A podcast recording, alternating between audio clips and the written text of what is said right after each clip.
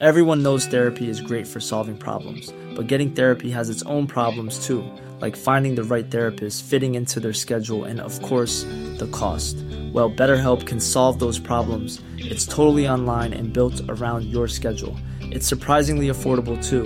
Connect with a credentialed therapist by phone, video, or online chat, all from the comfort of your home. Visit betterhelp.com to learn more and save 10% on your first month. That's BetterHelp, H E L P. Hiring for your small business? If you're not looking for professionals on LinkedIn, you're looking in the wrong place. That's like looking for your car keys in a fish tank. LinkedIn helps you hire professionals you can't find anywhere else, even those who aren't actively searching for a new job but might be open to the perfect role. In a given month, over 70% of LinkedIn users don't even visit other leading job sites. So start looking in the right place. With LinkedIn, you can hire professionals like a professional. Post your free job on linkedin.com slash people today. Burrow is a furniture company known for timeless design and thoughtful construction and free shipping. And that extends to their outdoor collection. Their outdoor furniture is built to withstand the elements, featuring rust-proof stainless steel hardware, weather-ready teak, and quick-dry foam cushions. For Memorial Day, get 15% off your Burrow purchase at burrow.com slash ACAST and up to 25% off outdoor. That's up to 25% off outdoor furniture at burrow.com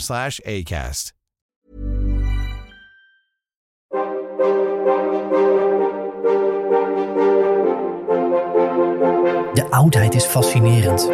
Een enorme puzzel waarvan we stukjes hebben. En heel veel stukjes ook niet. Al op de basisschool trokken de verhalen over het oude Egypte, de Romeinen, Griekse mythen, het oude China en het onderzoek naar al die oude culturen en mensen me als een magneet naar zich toe. En ik wil meer. Graag neem ik, Timo Epping, je in deze podcastserie mee op reis naar het verre verleden. Ik ga in gesprek met wetenschappers die ons in iedere aflevering een uurtje meenemen in hun eigen onderzoek. Hun eigen zoektocht naar de oudheid. Het is tijd voor de oudheid.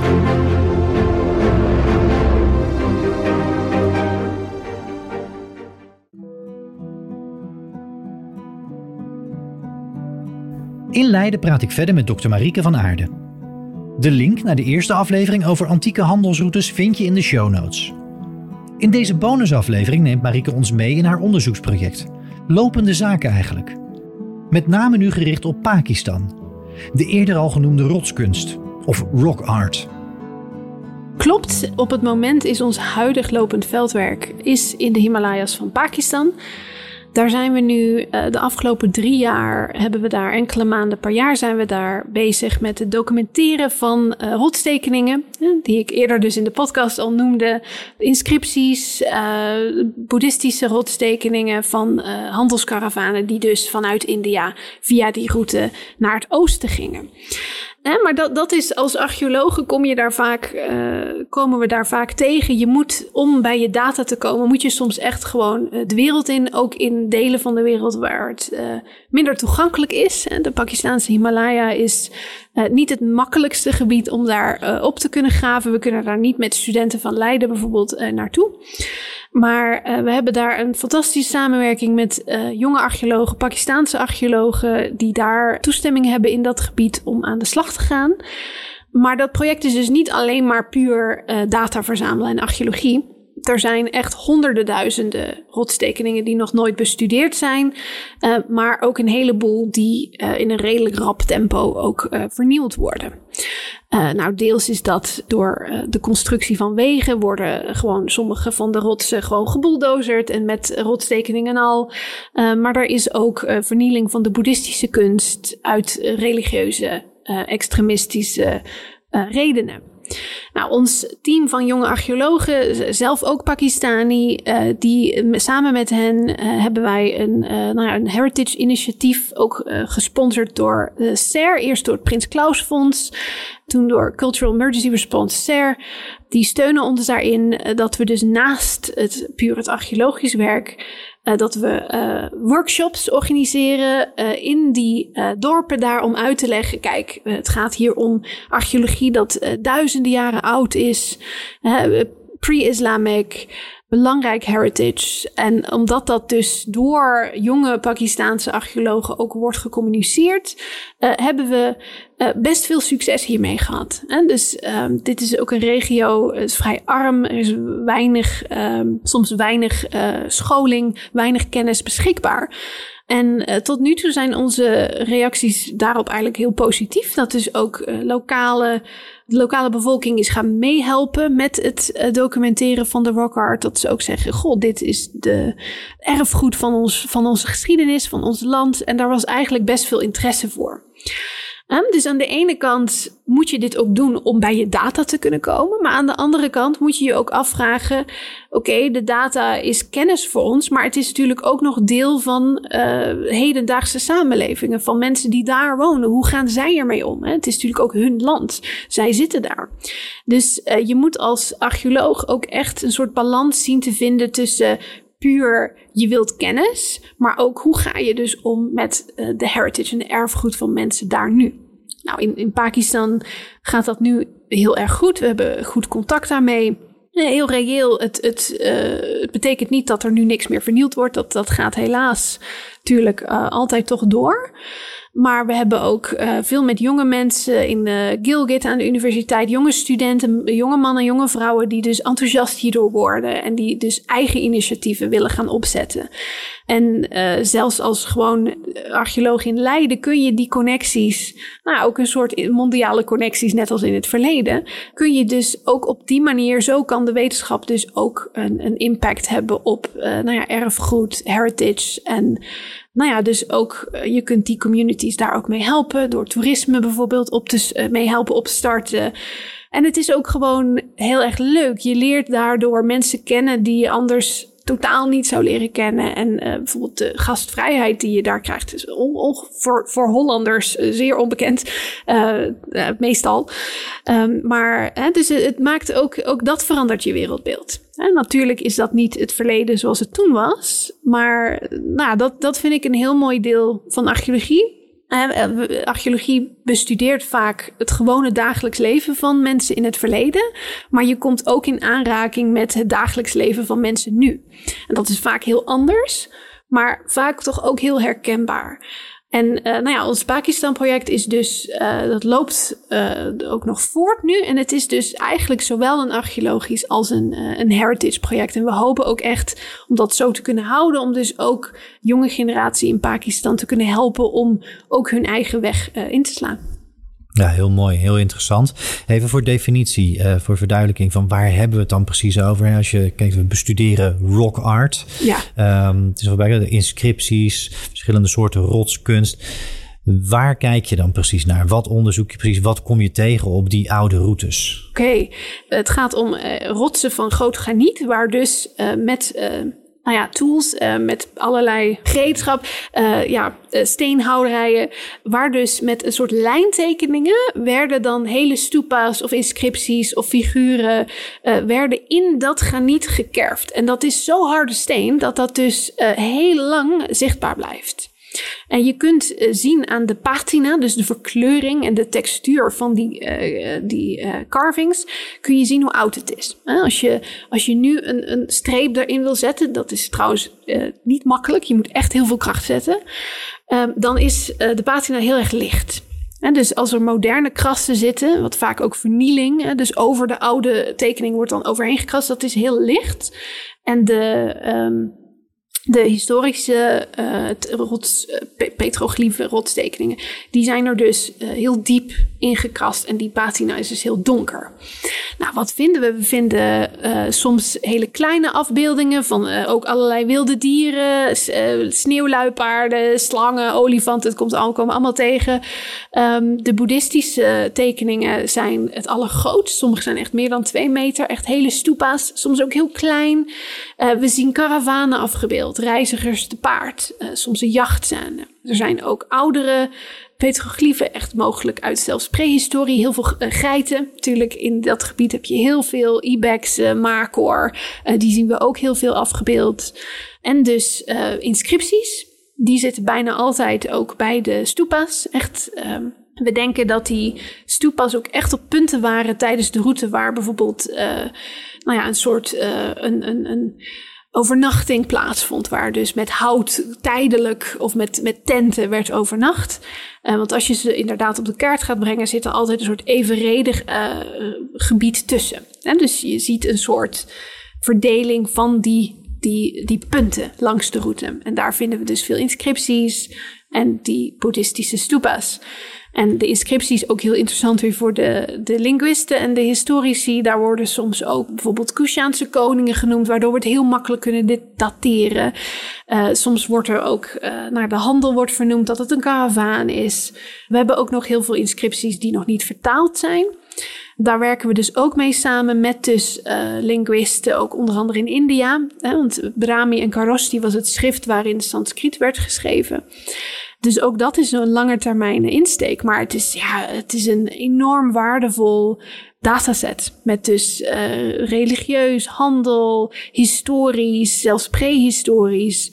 We zijn zelfs uh, een, met een zooarcheoloog aan het kijken naar welke dieren we zien afgebeeld. Want een heleboel blijken nu dus vrijwel uitgestorven te zijn. En we zien ze dus 2000 jaar geleden nog in grote getalen terug. En dus zelfs kunnen we uh, die rotstekeningen gebruiken om iets te kunnen zeggen over biodiversiteit in de oudheid.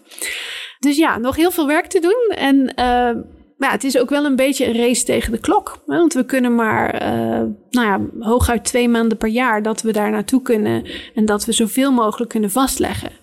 Het grote deel van de sites die we nu al uh, hebben gedocumenteerd, en die komen in open access catalogie, zijn nu ook alweer verwoest. Dus ongetwijfeld gaat er ook heel veel materiaal verloren. maar ja, we proberen te doen wat we kunnen. Belangrijk werk dus nog te doen. Maar helaas zal een deel van het materiaal verloren gaan in de toekomst. En is een deel inmiddels al voor altijd verloren gegaan. Terug naar de stoepa's langs de routes nu. Aan de ene kant dus aangebracht op plaatsen waar mensen overnachten, waar dan bijvoorbeeld ook rituele handelingen verricht konden worden. Maar fungeerden die stoepas wellicht als een soort extra functie, ook puur als wegwijzers op die antieke handelsroutes? Ja, nou dat is eigenlijk precies waar we nu zitten met onze interpretatie.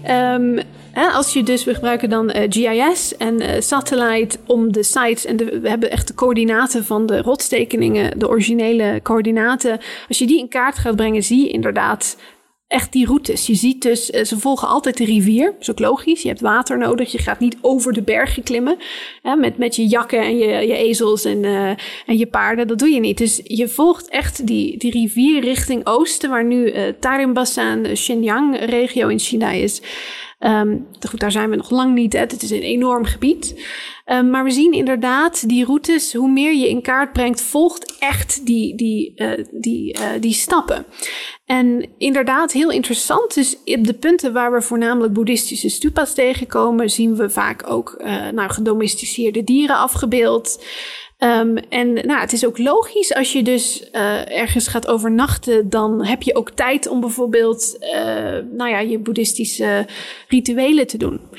Um, hè, maar inderdaad, um, ik noemde eerder uh, in de podcast ook in Afghanistan de boeddhistische kloosters. Natuurlijk heel bekend daar waren die gigantische boeddhistische, de Bamiyan-boeddha's.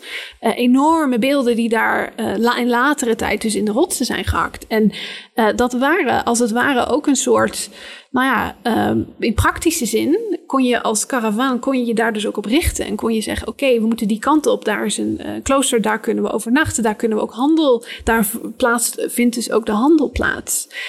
Um, de stupas in de Karakorum uh, in Pakistan, waar wij zitten, in het Gilgit-Baltistan-regio, uh, daar hebben we dus geen uh, stupa's die dus echt als architectonisch zijn gebouwd. Um, dus sowieso, we hebben geen opgravingen gedaan, dat, daar hebben, zijn geen permissies voor. Um, maar ook hier, precies, precies wat je zegt, is, het zou heel goed mogelijk zijn dat de aanwezigheid van die stupas ook toch een soort uh, een, een, een, nou ja, een soort visueel knooppunt is waar je zegt: oké, hier kun je overnachten, hier kunnen handelaren bij elkaar komen. Dat, uh, dat, uh, dat patroon zien we wel aan de hand van de data die we tot nu toe verzameld hebben. Ja. Ja. ja. en dan als, ja, als, als, slot van, van, deze, van deze bonusaflevering misschien, maar hoe kunnen we deze route Je zei al, het Taringbassin noemde je al. Hoe kunnen we deze route plaatsen in dat geheel van netwerken? Waar zitten we dan precies in het netwerk? Nou, we zitten dus echt gewoon midden in de bergen. Uh, van uh, het Gandhara-gebied noord uh, was het noorden van het Indisch subcontinent, nu ook Pakistan. waar dus een heleboel handel samenkwam. Heel veel materiaal van de, de West-Indische havens, maar ook via de steppen, via Perzië, kwam een heleboel daar binnen. En uh, in het begin van de Han-dynastie in China, toen die dus de, de poorten, de Jadepoort opende, ja, um, krijg je daar dus, wordt dat een nieuw knooppunt. En een heel groot deel van uh, handelswaar wat dus in India verzameld werd, is dus door die routes verscheept eigenlijk naar, uh, naar China. En uiteindelijk, uh, een paar honderd jaar later, in de Tang-dynastie, gaat China ook heel veel over uh, de zee natuurlijk. Uh, heel veel maritieme handel vanuit het zuiden. Maar allereerst zien we dit dus voornamelijk via, via die landroutes. Dus een soort, nou ja, een soort ader die de Indische Oceaan, dus alle verkeer over de Indische Oceaan, maar ook over land via het Seleucide Rijk, via Perzië, gaat richting China. En ook, ook uh, de andere kant op natuurlijk. Hè? Uh, handelaren mochten in die periode uh, China niet binnen. dus het was een enorm soort um, verzameling van handelaren voor die de grote, nou toen ook de Chinese muur natuurlijk, de eerste versie daarvan. Um, en dat werd dus een enorm knooppunt. En dat werd vervolgens door die bergen weer doorgesluist. En heel interessant, want vroeger dacht men dat bergen een soort een barrière waren. Dat dat dus uh, een soort handel tegenhield. Maar we zien hier dus eigenlijk het tegenovergestelde. Dat dit de, een van de eerste en belangrijkste routes was. En zeker dus ook waar boeddhisme door richting het oosten ging. En uiteindelijk zijn er veel meer routes bijgekomen. Uh, maar dit is een van de eerste en dus uh, belangrijkste geweest. Ja. Mooi. Nou ja, dan rest me eigenlijk niets dan, uh, dan je heel hartelijk uh, te danken voor, uh, voor, voor, voor, de reis die je met ons hebt gemaakt naar de oudheid. Um, ja, uitgebreid ingezoomd op, op onderzoek, maar ook vooral op connecties, op netwerken en daar hele mooie, waardevolle inzichten gegeven. Dus heel veel dank daarvoor. Nou, heel graag gedaan. En zo eindigt dit tweeluik met dokter Marieke van Aarde over antieke handelsroutes. Over het oude India, met name ook de havenplaats Arikamedu. Over Pakistan, routes naar China en over de plek in dat grotere mondiale geheel voor de Grieken en Romeinen. Het belang van werken met grote datasets, de nieuwe inzichten, andere perspectieven op dezelfde bronnen, nieuwe vragen, nieuwe kennis. Het was een rijke reis naar de oudheid die mij in ieder geval veel stof tot nadenken heeft gegeven over die oudheid. Maar ook over het doen van onderzoek in het heden en in de toekomst. Er is nog zoveel meer te ontdekken en te onderzoeken.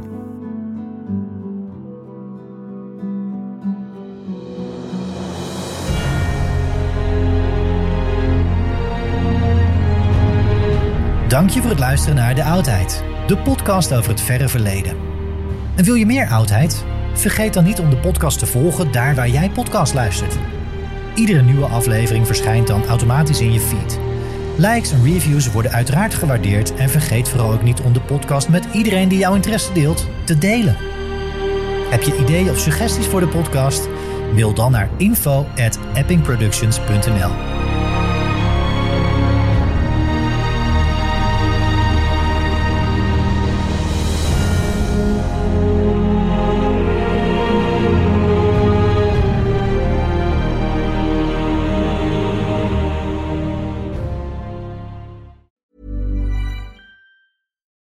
it's Paige DeSorbo from Giggly Squad. High quality fashion without the price tag. Say hello to Quince.